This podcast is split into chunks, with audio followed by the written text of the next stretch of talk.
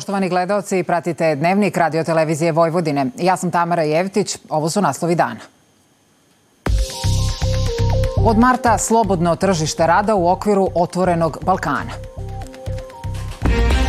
Sve češće se kao rešenje za blisko-istočni sukob navodi formiranje palestinske države.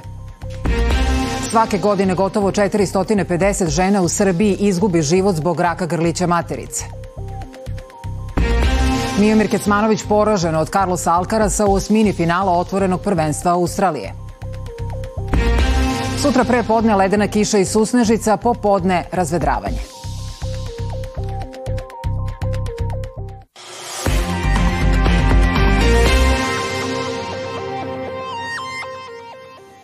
U Skoplju je održan samit Zapadni Balkan i Evropska unija, kojem je prisustovao i predsednik Srbije Aleksandar Vučić.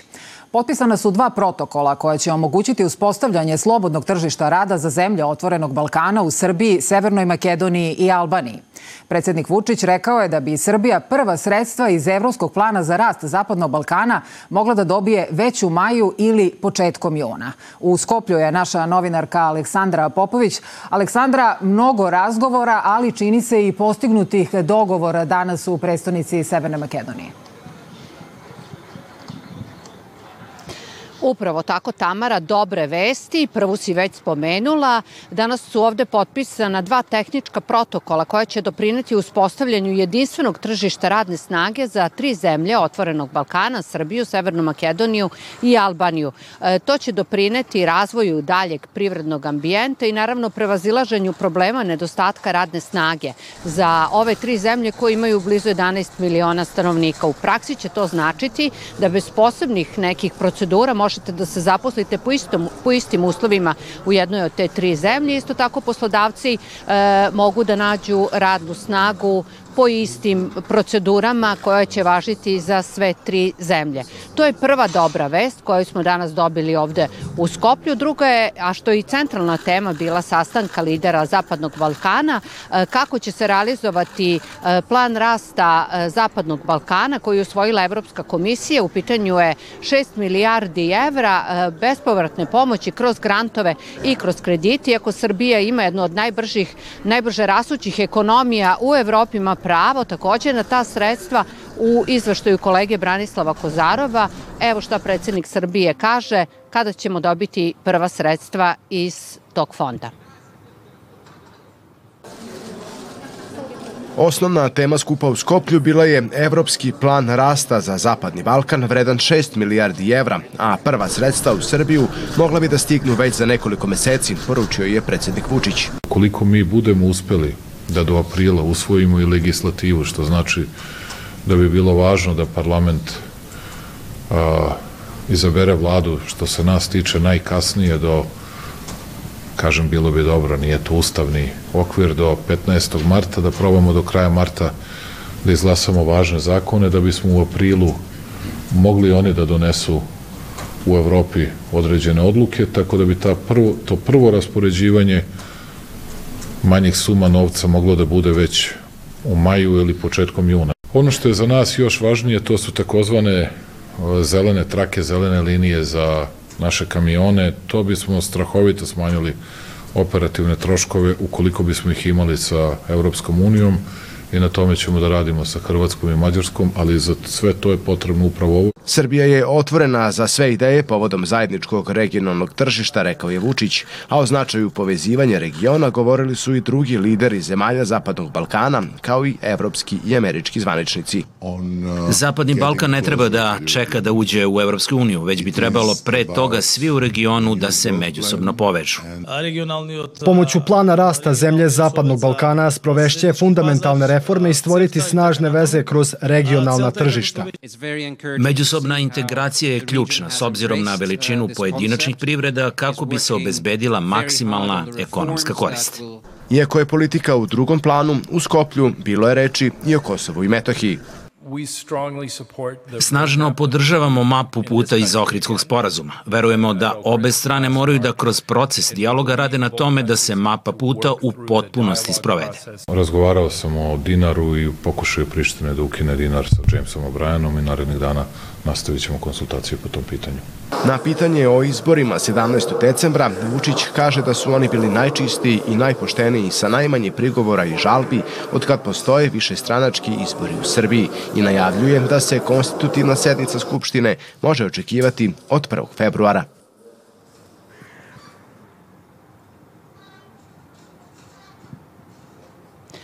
Dobra stvar je što je ovde tema bila ekonomija, da vidimo šta dobro možemo da uradimo za naše ljude. Poručio je na Instagram profilu predsjednik Srbije Aleksandar Vučić nakon susreta Zapadni Balkan i Evropska unija u Skoplju. Dobra vez danas iz Skoplja za stanovnike Srbije, Severne Makedonije i Albanije, zemlje članice e, regionalne inicijative Otvoreni Balkan, jeste da od 1. marta počinje da funkcioniše jedinstveno tržište rada.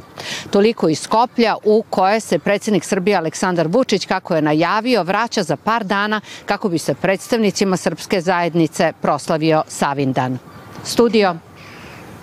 Hvala Sandra na svim ovim informacijama i samita sa Skoplja izvestila je naša novinarka Aleksandra Popović. Republička izborna komisija na današnjoj sednici donela je rešenje o dodeli mandata poslanicima u Skupštini Srbije, a za to je glasalo 10 od 15 prisutnih članova. Najviše mandata, 129, dobila je lista Srpske napredne stranke, slede Srbije protiv nasilja 65, SPS 18, Koalicija Nada 13, Mi glas iz naroda 13, Savez vojvođanskih Mađara 6, lista koju predvodi stranka Pravde i pomirenja 2, koliko i stranka Demokratske akcije Sanđaka, dok su po jedno poslaničko mesto dobili lista Albanaca sa juga Srbije koju predvodi Šajp Kamberi i Ruska stranka. Sukob Izraela i Hamasa traje 108 dana. To da većina sveta želi da rat odmah prestane, odavno je poznato. Međutim, sve su glasniji oni koji više ne propagiraju ni primirje, ni mir, već rešenje koje podrazumeva dve države. Na sastanku ministara spoljnih poslova Evropske unije, njen visoki predstavnik za spoljnu politiku i bezbednost, Josep Borelj, istakao je da humanitarna situacija u pojasu Gaze ne može biti gora, ali i poručio da Unija, kada je stav prema dešavanjima u toj enklavi u pitanju, pod znacima navoda, okreće novi list. Mislim da moramo da prestanemo da pričamo o miru, o mirovnom procesu i da počnemo konkretnije da govorimo o rešenju koje podrazumeva dve države. Iza toga stoje Ujedinjene nacije i cela međunarodna zajednica. Spisak zemalja koje podržavaju dvodržavno rešenje sve je duži, a dok do njega eventualno ne dođe, stanje u Gazi ne deluje da će se popraviti. U napadima izraelske vojske ukupno više od 25.000 palestinaca je ubijeno, a oko 63.000 povređeno, dok iz crvenog polomeseca skreću pažnju na to da je bolnica Naser u Kan Junisu, kao i sve druge bolnice na jugu Gaze, meta intenzivnih napada. Za povređene fizički više nema mesta. Radim na odeljenju intenzivne nege, tamo su četiri kreveta, a lečim 11 ranjenih. Bukvalno skačem preko kreveta da stignem do svih. Nema medicinskog osoblja, resursi ispod nule, oprema ispod nule, nema ničega. Nisam spavao 30 sati. Moral nam je veoma nizak. IDF saopštava da su sa pozicija u Južnom Libanu ispaljene tri rakete na nenaseljena područja u blizini Galileje, na severu Izraela, a dva američka specijalca nestala u Adenskom zalivu tokom misije u kojoj je zaplenjeno oružje iranske proizvodnje namenjeno Hutima, proglašeni su mrtvim, saopštila je američka vojska. Godišnjica Novosadske racije biće obeležena sutra na keju žrtava racije, a dan uoči obeležavanja na Uspenskom groblju otkrivena je spomen ploča. Uspensko groblje je bilo jedno od stratišta januara 1942. godine, a osim odraslih ubijana su i deca. Treba stalno da se prisjećamo tog strašnog zločina i da naučimo mlade generacije da se tako nešto nikada ne ponovi. Složni su predstavnici grada Novog Sada, Jevrejske opštine i Srpske pravoslavne crkve. Zajedno se trudimo da sačuvamo sećanje na sve koji su postradali januarskih dana 1942. Poručeno je prilikom otkrivanja infotable na Uspenskom groblju, koja svedoči o tragičnim događajima koji su se na tom lokalitetu dogodili tokom pogroma u Novosadskoj raciji. Sve žrtve bili su civili, a pored Srba i Jevreja stradali su Romi, Slovaci i Rumuni. Mi se moramo truditi da čuvamo i unapređujemo kulturu sećanja kod naših naroda, i to i činimo otkrivanjem ovih e, informacionih ploča. Isto tako želimo da promovišemo i mir i po, pomirenje, razumevanje. Ovde deo ljudi ubijen, a deo ljudi je dovežen ovde da bude sahranjen. Sahrana se nije mogla desiti ili zemlja bila smrznuta, temperatura je bila minus 30. Odavde su tela preminulih prevožena kamionima do Dunava i bacana pod led. To je jedan od najtežih perioda u istoriji Novog Sada, kada je stradalo oko 1250 ljudi, a njihovi potomci nikada nisu prežalili tragediju koja se dogodila, rekao je gradonačelnik Milan Đurić. Okupatorske snage su sa nekom vođenom ideologijom i zločiničkim umovima su bukvalno izbrisali porodice.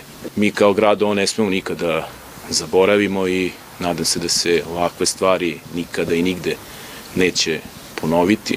Gradonačelnik je naglasio da je izuzetno važno da se obeležavaju mesta stradanja u Novom Sadu, a na nekoliko takvih lokacija već postoje spomen ploče koje ostaju kao podsjećanje i opomena budućim generacijama.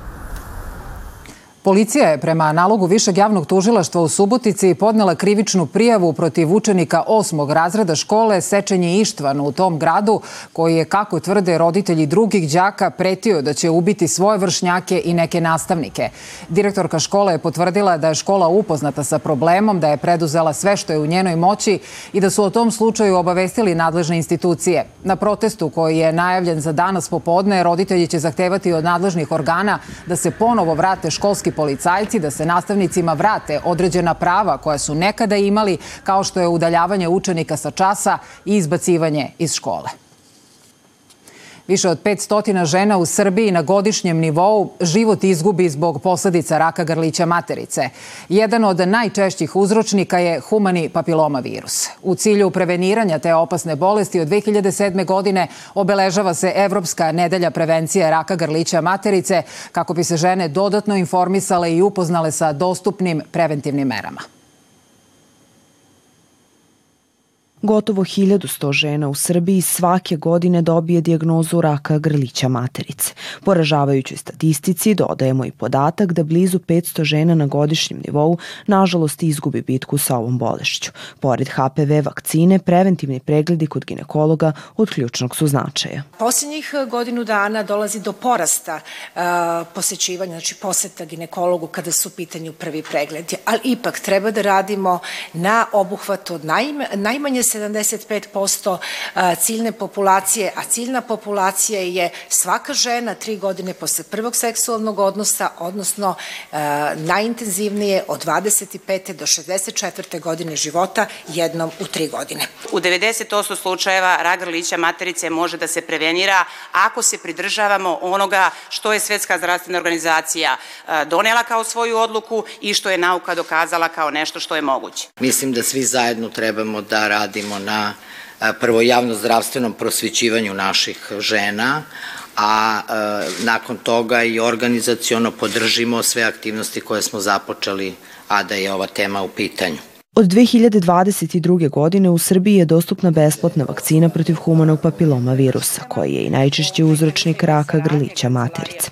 Vakcina je namenjena deci i mladima od 9 do 19 godina, odnosno pre prvog seksualnog odnosa bez obzira na pol i predstavlja vodeću meru prevencije. Vakcina je bezbedna, ona ne sadrži virus u sebi, ona imitira virus, pa tako imitira imunni odgovor. Nikakve značajne neželjene reakcije nisu pronađene u ovih, znate šta je 500 miliona doza i štiti od ovih bolesti 80 do 90%. 18. Evropska nedelja prevencije raka grlića materice obeležava se svake godine krajem januara, a cilj je podsjetiti, motivisati i pokrenuti žene na redovan ginekološki pregled. Ne sutra, ne za vreme godišnjeg odmora, već danas. Danas su raspisani javni konkursi za tri programa koja će Ministarstvo za brigu o selu sprovoditi tokom ove godine. Od sutra zainteresovani građani moći će da se prijavljuju na konkurs za kupovinu seoskih kuća sa okućnicom, dok se lokalne samouprave mogu prijavljivati za dodelu bespovratnih sredstava za kupovinu mini buseva i organizovanje manifestacije Miholjski susreti sela. Iz budžeta Srbije za te namene opredeljeno je ukupno 670 miliona dinara. Resorni ministar Milan Krkobabić najavio je novi program tog ministarstva namenjen pokretanju privrednih aktivnosti u selima. uz banatski doručak i bečke poslastice, a pod nazivom Doručak sa pajom i klimtom u Špajzu Salaša 137 održana je tradicionalna godišnja konferencija za novinare Galerije Matice Srpske. Na njoj su predstavljene prošlogodišnje muzejske aktivnosti kada je galerija proslavila 175 godina od osnivanja i najavljena dešavanja za ovu godinu. Lord. U prošloj godini realizovano je 11 izložbi u zemlji i inostranstvu, objavljeno je 9 publikacija i bilo je više od 100.000 posetilaca. U Kulturnom centru Srbije u Parizu gostovala je izložba jedna sasvim neobična srpsko-francuska veza Olga Kešeljević i Mark Barbeza, dok su novosađeni tokom leta u galeriji uživali u postavci poklon zbirka Dragiše Brašovana. Nakon nje realizovane su dve velike izložbe Paja Jovanović i Gustav Klimt, jedna epoha, dva umetnika, tri muzeja i Pomorišac, Vasa Pomorišac. Na jesen ćemo opet imati jedno veliko gostovanje i mogućnost da publika upozna uh, stvaralaštvo jednog srpskog slikara iz Praga, ali je negde u komunikaciji sa velikim češkim umetnikom Alfonsom Uhom i jedno platno koje će premijerno stići velikog formata u našu sredinu. I o, ono što jeste negde najznačajniji naučni događaj ove godine, odnosno naučna izložba, jeste izložba o plemstvu, o tome kako se razvijalo srpsko društvo i kako se to slikavalo i kroz umetnost u smislu društvenog konteksta. Poseban akcenat ove godine galerija stavlja na novu viziju i koncept stalne postavke uz obogaćenu rasvetu. Osim toga, najavljen je i najveći ovogodišnji konzervatorski projekat koji će biti okončan za tri godine. Ove godine ćemo se pre svega usmeriti na jedan veliki projekat zaštite ikonostasa Aksentija Marodić iz manastira u Kovilju. Pokušat ćemo da ga rekonstruišemo, da ga predstavimo javnosti u našem prostoru i to tek 2026. godine kada zapravo se obeležava 200 godina Matice Srbije Srpske, s obzirom da Aksentija Marodić je jedan od prvih privilegovanih slikara naše ustanove i čini nam se da mu u toj velikoj godišnjici dugujemo tu pažnju. Tokom 2024. godine biće predstavljena izložba inspirisana francuskom kao i gostujuća postavka marginalne i naivne umetnosti u Jagodini, koja nije u kolekciji galerije. Za najmlađe i decu ta institucija pripremila je zanimljivu društvenu igru na temu umetnosti.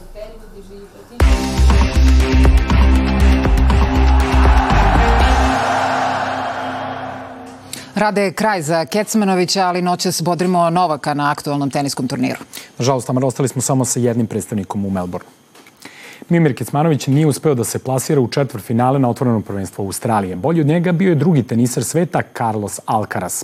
Španac je tokom celog meča u potpunosti kontrolisao dešavanja na Rod Laver areni. Tokom prva dva seta po jedan oduzeti servis bio mu je dovoljan da oba dela igre reši u svoju korist sa po 6-4, dok je u trećem setu bio još ubedljiviji. Kecmanoviću nije prepustio ni jedan gem. Alcaraz u borbi za polufinale očekuje duel sa Aleksandrom Zverevim, koji je posle velike borbe pobedio kameru na Norija. Odlučio su super tie break u petom setu.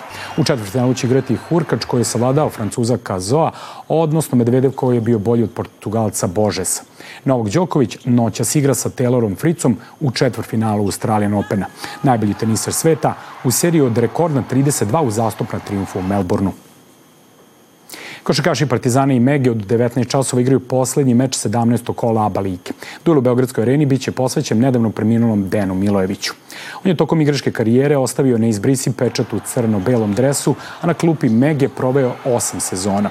Ulaz u halu je besplatan, a u prvom delu sezone klub sa Novog Beograda slavio je protiv izabranika Željka Obradovića auto košem Uroša Trifunovića u poslednjoj sekundi susreta. I sveta biciklizma vest da će Srbija ovog juna prvi put biti domaćin trke UCI Grand Fondo. U Novom Sadu se 16. juna očekuje dolazak više od 1000 biciklista, rečeno je na radnom sastanku u pokrajinskoj vladi kojem su prisustvovali ministar sporta Zoran Gajić, predsednik pokrajinske vlade Igor Mirović, resorni pokrajinski sekretar Dane Basta i član gradskog veća zadužen za sport Ognjen Cetićanin. Po prvi put u istoriji biciklizma u našoj zemlji grad Novi Sad će biti domaćin bicikliške trke iz serije Grand Fondo uh, uz pomoć uh, Svetske bicikliške federacije važna dakle vest za sve ljubitelje biciklizma, za sve koji vole sport, za promociju naše zemlje, za turizam. Tamo večeras u centru pažnje košarka, sutra ponovo tenis i Novog Đokovića. Hvala rade na svim ovim informacijama. Sutra je ledena kiša i susnežica pre podne, popodne razvedravanje. Najviša temperatura 8 stepeni. Detalji u nastavku od naše Sanje Knežević.